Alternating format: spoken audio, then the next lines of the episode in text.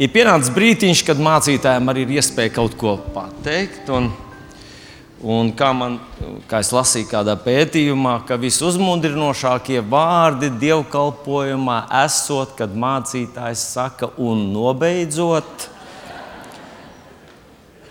tas esot maģiska frāze, kad cilvēks sarosās. Un nobeidzot, mācītājs pateiks. Uh, ļoti cer mācītājs. Šis mācītājs cer, ka būs tāds kompakts, bet saprotams vārds. Mēs tikko dziedājām tādu brīnišķīgu dziesmu, dziedājām klausījāmies. Tavs vārds ir paldies, Lūdzu. Tavs vārds ir Jēzus. Tavs vārds ir Jēzus. Mani sauc Vilnis. Iespējams, ka tavs vārds ir Juris Kārlis vai, vai kāds latviešu sievietes vārds. Un, nu, prieks iepazīties. To es Jēzus, esmu Vilnis, un mums katram ir kāds vārds. Kas tur tik tāds? Jēzus. Nu, vispirms vārdu Jēzus. Vecāki nebija atraduši kalendārā un nebija mantojuši, nu, kaut kur vecvectēvs bija Jēzus, un tad vajadzētu mazdēlam ielikt Jēzus viens no lielākajiem eņģeļiem. Bībelē mums saka, tas bija Mihails. Eņģelis Mihails, kurš atnāca un teica, ka viņa vārdu būs saukt Jēzus. Ko nozīmē vārds Jēzus? Nu, visi zina, ko nozīmē vārds Vilnis. Nu, tā nu, dziļā tā jēga tur, vai nu, varbūt var arī kaut ko atrast. Bet vārds Jēzus nozīmē Jahve glābi. Viņš to atnāca un pasludināja cilvēkiem, kas gaidīja, jau simtiem gadu gaidīja mesiju. Pravieši bija runājuši simtiem gadus pirms tam. Pravieši bija runājuši, ka viņš atnāks, viņš izdarīs fenomenālas lietas. Pravietis Jēzus savā 53. nodaļā saka, Kungs, kurš vispār saprot, kas notiek? Kurš vispār spēja noticēt tam, Ko tu dari? Iedomājieties, pravietis to saka vairākus simtus gadu, un daži no pravietojumiem ir pateikti vairāk kā tūkstoši gadu pirms Kristus piedzimšanas un viņa dzīves un kalpošanas. Visa Jēzus dzīve ir aprakstīta nu, tādās detaļās, gandrīz vai.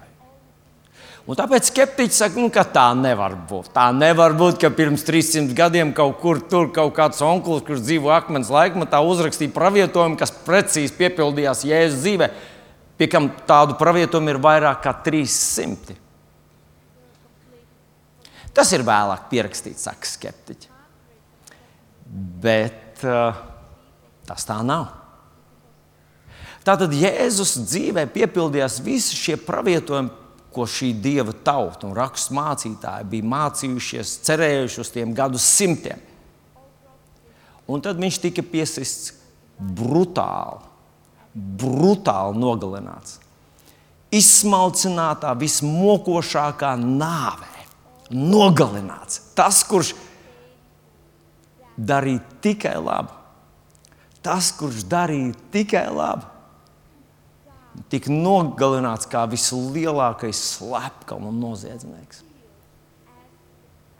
Un tagad ir tas, ko mēs šodien svinam, un, un varbūt cilvēkam, kurš no malas skatās, nu, nu, uzcēlās viņš, neuzcēlās viņš. Nu, kāda starpība?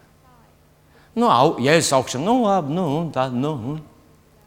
Redz, nu, Varbūt cilvēkam, kurš neko nesaprot, viņam kā liekas, nu, kāda starpība. Ir viens otrs esot kaut kur uzmodies un pēc tam vēlreiz nomiris.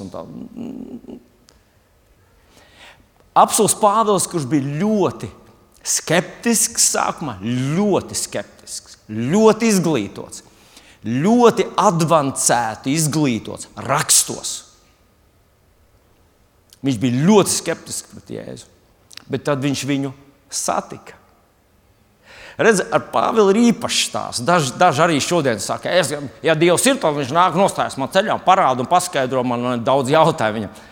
Ar Pāvilu bija savādāk. Pāvils domāja, ka viņš to dara Dieva aizstāvot, Dieva intereses. Viņš bija vienkārši pārpratis visu. Viņš tajā mesijā nesaskatīja to mesiju, kur viņa studētā un aizstāvētā vecajā derībā aprakstīta detaļās. Bet, kad viņš viņu sastapa, tad viņš saka tādus vārdus, tā ir korintiešu vēstulītē. Viņš saka, tā, ja Jēzus nav augšām cēlies, tad augšām celšanās nav. Un, ja nav augšām celšanās, tad Jēzus nav augšām cēlies. Viņš to sasaist kopā. Nu, ja Jēzus nav augšām cēlies, tad augšām celšanās nav. Kas tad mums paliek, ja nav augšām celšanās? nu, nu, tas skaistais dārsts, uz kur mēs ierodamies visi un brīnamies. Es runāju par kapiem. Tad, tad ģēnija un nelgas, tad pasaules svētie un asinskārākie diktatori. Visiem ir viena alga.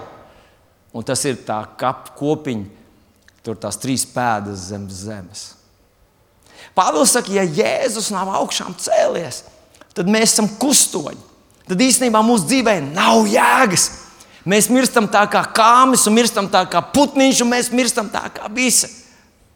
Viņš saka vēl vairāk, ja Jēzus nav augšām cēlies, tad mēs visi vēl esam grēkos. Tad mēs visi, ja ir elle, visi mēs, bez izņēmuma, vienalga no kur kontinenta, vienalga no kādas reliģijas, mēs visi esam nolemti mūžīgai pazušanai.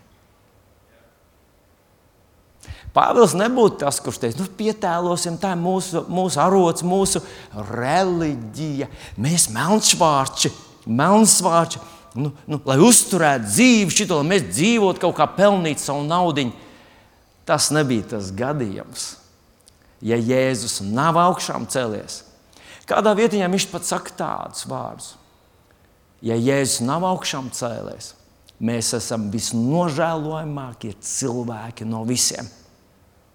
Mēs, kristieši, kāpēc? Vienreiz viens mācītājs man teica, ko tad es tādu esmu zaudējis, ja Jēzus nav augšām cēlies. Es nedzeru, nepīpēju, nelamājos, es nezogu. Dzīvoju tādu daudz maz tādu, tādu atturībnieku dzīvi, un vesels nomiršu, un, un, un, un viss būs. Nu, kā, tomēr labāk būt kristietim. Pāvils tā nedomāja. Viņš teica, ja Jēzus nav augšām cēlies, mēs esam vispieviltākie starp visiem cilvēkiem. Un ko mēs turpinām darīt? Mēs ejam, pieviļam citus. Tad esam nožēlojami. Bet viņš nobeidz ar to, bet Jēzus ir augšā cēlējis. Ha, ha, ha, ha, ha, ha, ha, ha, ha, ha, ha.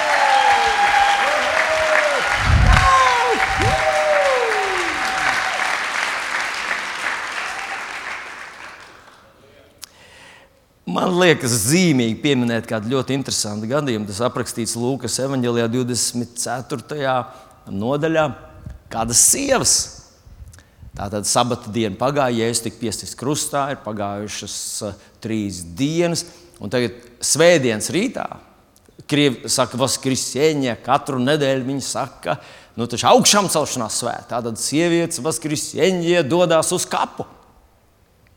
Un Lūkas 24. nodaļā rakstīts, ka viņas redz atvērtu kapu un neatrod tur Jēzus miesas. Un viņas tagad ir sašutumā, kā tā, kas paliek. Un tad rakstīts, ka pie viņām piestājās divi vīri mirdzošās drēbēs vai spīdošās drēbēs, eņģeļi. Un tie viņām saka tādus vārdus, ka tās pārbijušās nolaida acis uz zemi. Viņi tam sacīja, ko jūs meklējat dzīvo pie mirušiem. Viņš nav šeit, viņš ir augšām cēlies. Redzi, šīs sievietes meklēja jēzu, bet meklēja viņu nepareizā vietā. Šodien ir cilvēki, kas meklē jēzu. Nu, kur tad ir visi ģēniji, kur ir visas zvaigznes un leģendas, visi karavadoņi, ģeniālie, kur ir lielie uh, mākslas un tēlniecības uh, korifeji, kur viņi visi ir šodien? Jā, tur, tur, kur viņi meklē jēzu. Kur ir visi filozofi, visi reliģiju dibinātāji un lielie uh, nu, kā lai saka, gaišreģi, kas varēja kaut ko paredzēt šajā pasaulē. Kur viņi visi ir? Turpat, tur, kur tās sievietes atnāca meklēt Jēzu. No visām pasaules reliģijām, no visām pasaules reliģijām. Kristietība, ja viņi vispār var pieskaitīt pie reliģijām, tas tāds drīzāk tāds, tāds birokrātisks, tāds administratīvs iedalījums. Kristietība ir vienīgā, kuras galvenā persona, mesija, pasludināja visu, ko viņš izdarīs. Tad izdarīja, un tad uzcēlās no nāves. Viņa kaps ir tukšs. Huh. Mans mīļākais draugs, varbūt tu arī meklē muzejā Jēzu.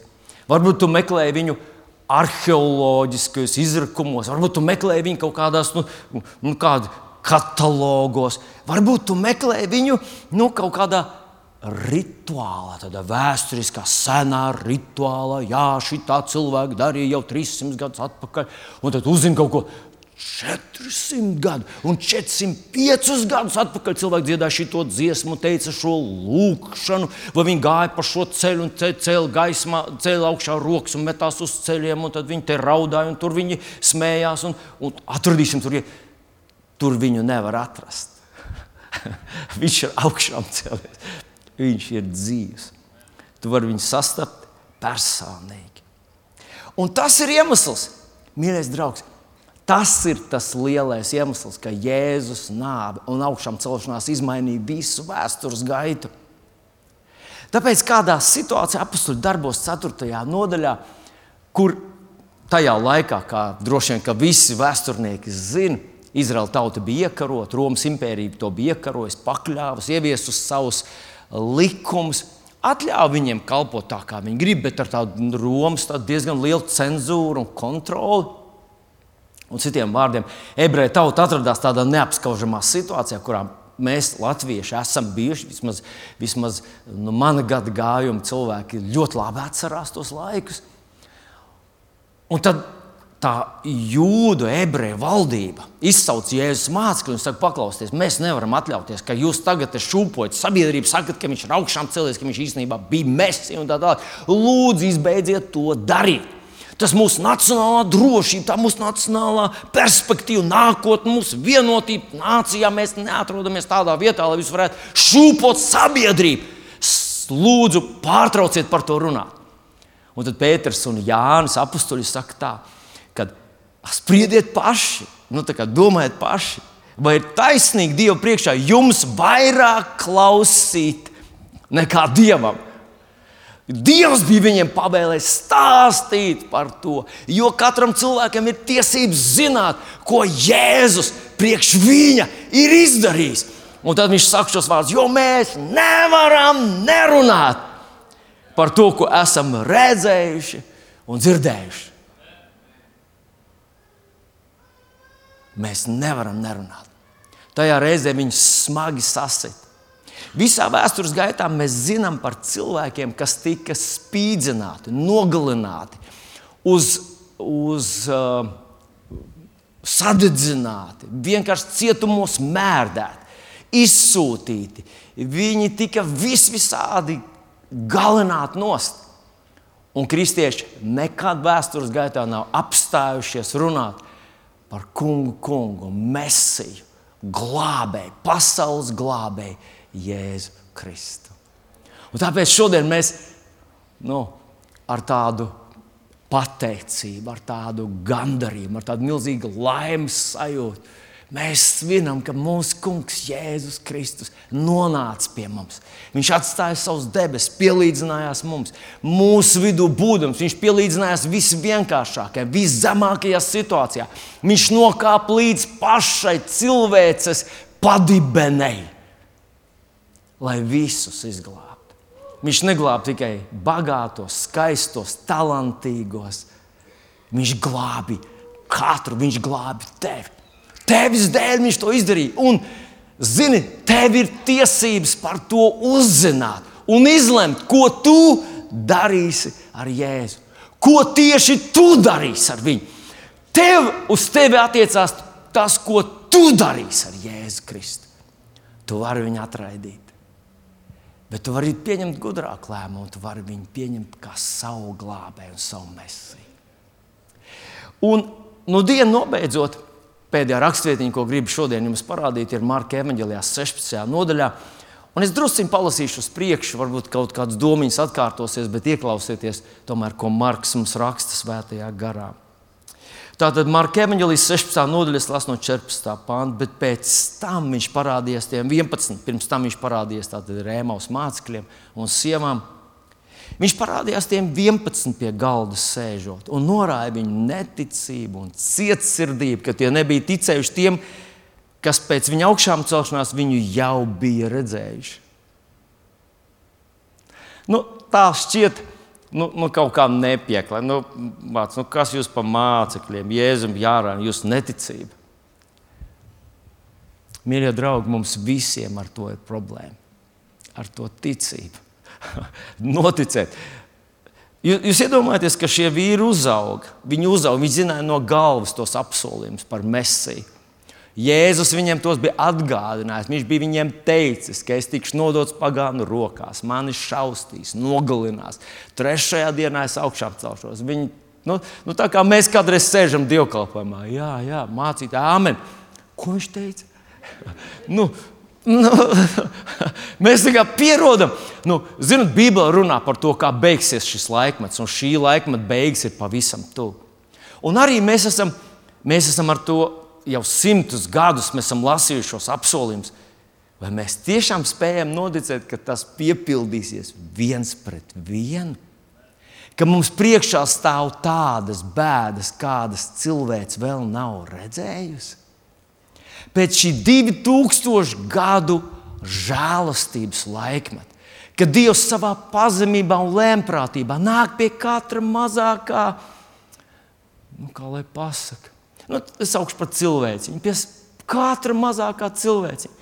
Kāds atraida viņu, es tagad strādāju, man tagad nav laika, es, es esmu aizņemts, un pārāk izglītots, un pārāk mm, nu, vīrišķīgs. Es pamācos, kāds saka, es esmu pārāk nabaks, nenāc pie manis, no manis nekā nav ko paņemt. Tā jau valdība viss ir paņēmusi.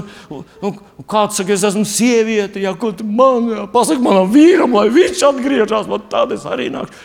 Kāds vīrietis saka, es atgriezīšos, tad tas sieva man uzkāps uz kakla un man tur es tās sektas neieredzu. Ja. Nu, viņš tik ļoti pazemīgi šodien uzrunā 2000 gadu. 2000 gadu radītājs noliecies pie sava radījuma un piedāvā ko tad? Ne jau verdzību. Viņš piedāvā tev kļūt par viņu bērnu. Viņš piedāvā tev izglābt no mūžīgas pazušanas, ko tu ar savu perfekto dzīvi esi nopelnījis. Es zinu, mums tā neliekas. Mēs esam cienījami sabiedrības cilvēki. Mums gribas, lai policists mūs veicina, lai visi izturās pret mums ar cieņu. Bet Bībele mums skaidro un stāsta, ka cilvēks ar visām savām labdarības un cēluma medaļām ir nelabojams, neārstējams, grēcinieks. Un viņš ir nopelnījis pazušanu. Jā, jā, nevis dieva dusmas viņu novedīs pazušanā. Cilvēks ir nopelnījis pazušanu.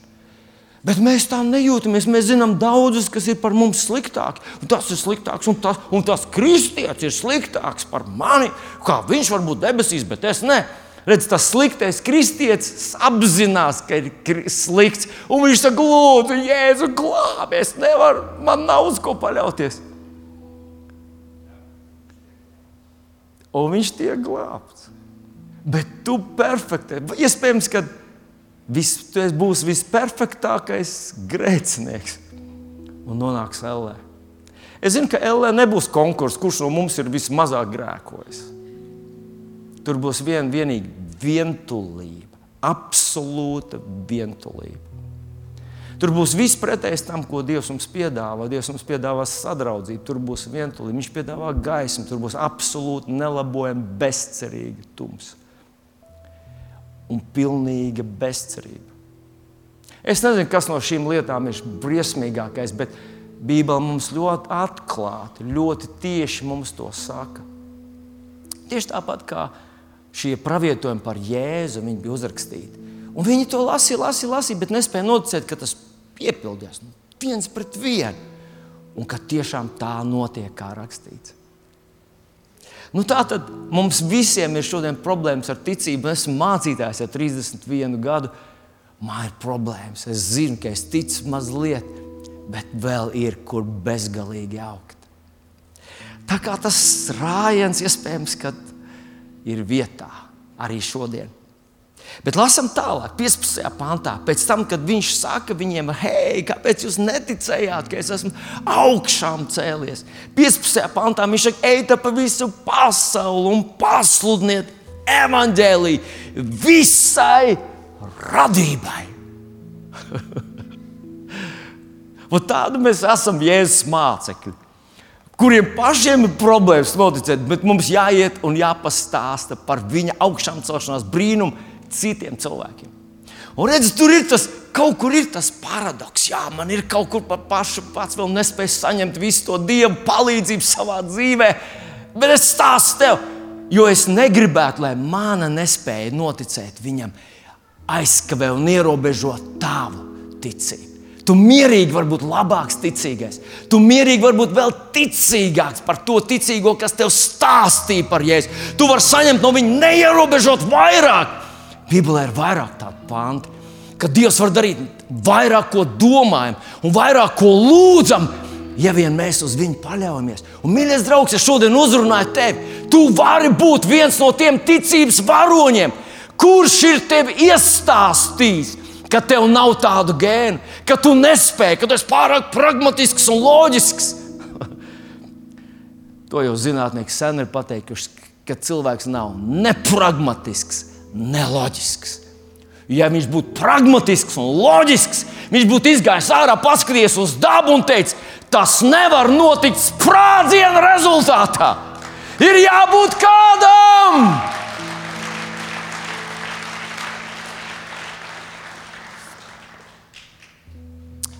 Ej, tu pa visu pasauli un pasludiniet evaņģēlīju visai radībai. Lasu 16. pāntu kas tic un top kristīts, tas tiks izglābts, bet kas netic, tiks pazudināts. Melns uz balta ir uzrakstīts, ka katrs no mums izvēlās savu ceļu. Ir tikai divas alternatīvas. Viens ir tic kam? Evanģēlijam, un top kristīts, tas tiks izglābts. Vai kristība ir tas maģiskais, baznīca, ko vienīgi baznīca var izdarīt. Jā, ja tu nāksi mūsu baznīcā, tā, tas būs pareizā kristība. Ja tu ies tur pāri ielai, to nezinu, vai tā kristība tevi izglābs. Man ir svēta pārliecība, ka tāpat kā Bībelē nav uzrakstīta recepte vakarēdienu maizītē. Jūs esat ievērojuši, tur nav rakstīts, ja jūs šitā sagatavosiet vakarēdienu maizīti, tad tā ir Kristus miesa. Bet jūs aiziet veikalā un nopirksiet baltmaisu kukulu. Tā nav Kristus miesa. Tur nav recepts, tur ir, tur ir princips. Un šeit arī tiek pasniegts nevis recepts, bet princips. Un tas princips ir kāds? Kas tic Jēzum Kristum un top kristīts, tas tiek glābts. Tas princips darbojas visu kristiešu dzīvi, visu apzināto dzīvo kristiešu dzīvi. Darbojas šis princips. Un kāds tas ir? Es mēģināšu to īsumā pateikt. Ticēt tam, ka Jēzus izdarīja trīs lietas priekš tevis. Viņš nomira tavā vietā. Viņš tika apglabāts. Un trešā dienā viņš augšām cēlās, dāvinādams tev un man jaunpiedzimšanu. Bībeli to sauc par piedzimt no jauna. Tu vairs neesi tas vecais grēcinieks, tu esi piedzimis no Dieva. Absolūts Jānis, kas dzimis no Dieva, uzvar pasauli. Jo kādā citā vietā viņš saka, tas, kas jūsos, ir lielāks nekā tas, kas ir pasaulē. Piedzimt no Dieva. Trīs lietas. Ūdens kristība simbolizē to, ka tu ieej basēnā. Tā ir tā kā tu esi nomiris, tu tiec apglabāts. Jēzus nomira tavā un manā vietā. Nomirt Ir divas nāves. Ir fiziska nāve, kad gars atstāja tavu ķermeni, tavs ķermenis momentāli iet bojā. Bet, kad, dvēsele, kad, kad cilvēks tiek nogriezts no dieva, tā ir otrā nāve. Un šī otrā nāve ir tā pazudinošā. Tātad mēs ar tevi to ne, neizdarījām, bet Jēzus to izdarīja priekš mums. Viņš nomira fizisko nāvi, To mēs piedzīvosim. Mēs piedzīvosim, ka mūsu ķermenis aiziet bojā, bet mēs nepiedzīvosim, nepiedzīvosim to garīgo nāvi. Mēs netiksim nogriezti no Dieva. Tas ir tad, ja tu esi šobrīd Dieva bērns, tad tu esi saistīts ar viņu. Tu esi kā, ja es teicu, esmu īstais vīnkoks, jūs esat manis zāri. Bet tā, tad, tā ir kristība. Un katru reizi, kad kristietis ieraudzīja, ko Kristus priekš viņa ir izdarījis, un viņš to manifestē uz ārā, viņš to pasludina, viņš par to runā, viņš to ieraudzīja, viņš tam noticējis, to savā dzīvē manifestē. Tas tāds riebīgs vārds, šodien visi viņu lieto, varbūt nav adekvāts vārds, bet tas, tas tā, kā, tā garīgā patiesība, ko cilvēks ir ieraudzījis, viņš to pārvērš fiziskā darbībā. Pum! Tas nostrādā notiek šis brīnums. Un tas ir tas, ko Jēzus šeit saka, kas tic un top kristīts. Kad tu ieraugi, ko Jēzus priekš tevis ir izdarījis, kad viņš paņēma tavu sērgu savā miesā. Un tu to sāc pateikties, un tu sāc to manifestēt. Uz... Atkal tas nelabais vārds. Tu sāc to pieņemt, ja? tu sāc tajā, nu, tas priekš tevis kļūst realitāte. Bum! Tas nostrādā. Un cilvēki ir saņēmuši dziedināšanas no fantastiskām, fantastiskām no riebīgām, vis visādām slimībām. Uzticoties šim Kristus principam, tic un top kristīts. Bet es, šis nu ir pēdējais pantīšs, Jāņa, piedodiet, Marka 16, 17. Ieklausies, kas tur uzrakstīts. Tad runāja par ticīgiem cilvēkiem. Bet šīs zīmes ticīgiem ies līdzi. Manā vārdā tie ļaunus garus izdzīs jaunām mēlēm runās. Tie rokām pacels čūskas, un kad tie dzers nāvīgas zāles, tās tiem nekaitēs. Neveseliem viņu rokas uzliks, un tie kļūs veseli. Wow! Nu, vispirms, ko viņš pirmais, ko viņš saka? Tie ļaunus garus izdzīs. Bet šīs zīmes ticīgiem ies līdz pirmām lietām, ko viņš saka, tie ļaunus garus izdzīs. Vispirms, Jēzus, pirmā lieta, ko viņš pasludina mums, un pasaka, ka jebkurš Dieva bērns ir izrauts ārā no vēlna varas. Vēlnam vairs nav varas, demoniskai pasaulē nav varas vairs pār Dieva bērnu. Mums ir varas. Mazākajam Dieva bērnam, vakar meitenīte maz pieņēma Jēzu par savu kungu. Viņa varbūt to nezina un to nelieto, bet Jēzus viņai ir devis varu pār nešķīstiem gariem, tos izdzīt. Ha. Jā, tu teiksi, jā, bet šodien doktori jau neraksta tādu, tādu diagnozi, nešķīst gars tam cilvēkam. Tas gan taisnība. Un tomēr visa pasaule zina, ka kaut kas tāds eksistē, vai ne? bet man gribas paskatīties tālāk. Tātad ļauns gars jaunām mēlēm runās. Nu, bez šaubām, jaunās mēlēs ir burtiski runa par lūkšanu mēlēm, kuras svētais gars dod Dieva bērnam, kad viņš pieņem svētā gara kristību Viņš var runāt mēlēm, svētais gars viņam dod tādu īpašu lūgšanu, ka viņa prāts nekontrolē, vairs neierobežo to. Mēs varam lūgt pēc Dieva perfektās gribas, bet tas ne tikai nozīmē šo lūgšanu garā. Īstenībā tas nozīmē to, ka tāds Dieva bērns, kurš pieņems Jēzu par savu kungu, kurš savā dzīves vienādojumā ir ierēķina ne tikai problēmas, ne tikai savus resursus, bet viņš ierēķina arī Dieva palīdzību un viņa atbalstu. Ka viņš sāk runāt pavisam citas runas. Viņš ieraudzīja pasauli pavisam citā perspektīvā.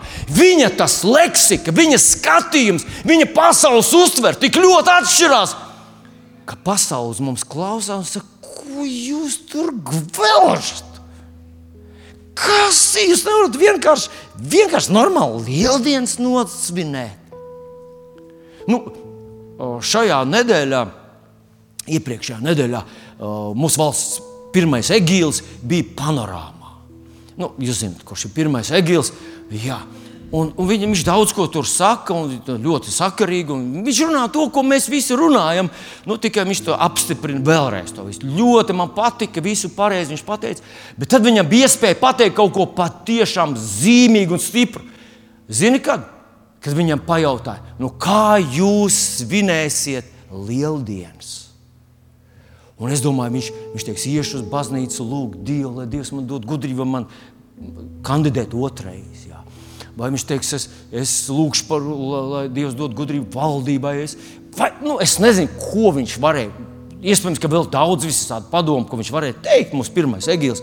Bet ziniet, ko viņš teica? Ripināšu olas.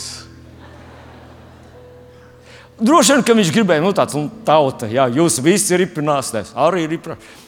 Tas tāds ļoti maģisks rituāls. Tas tāds, tiek uztaisīts tāds neliels kalniņš, un katrs atnāk ar savu olu.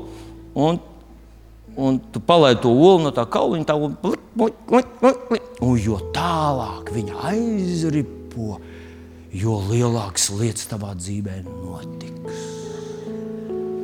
Tā ir tāda neliela, nu, neliela tā tāda nu, dieva gribas izzināšanas metode. Kas cits tas varēja būt?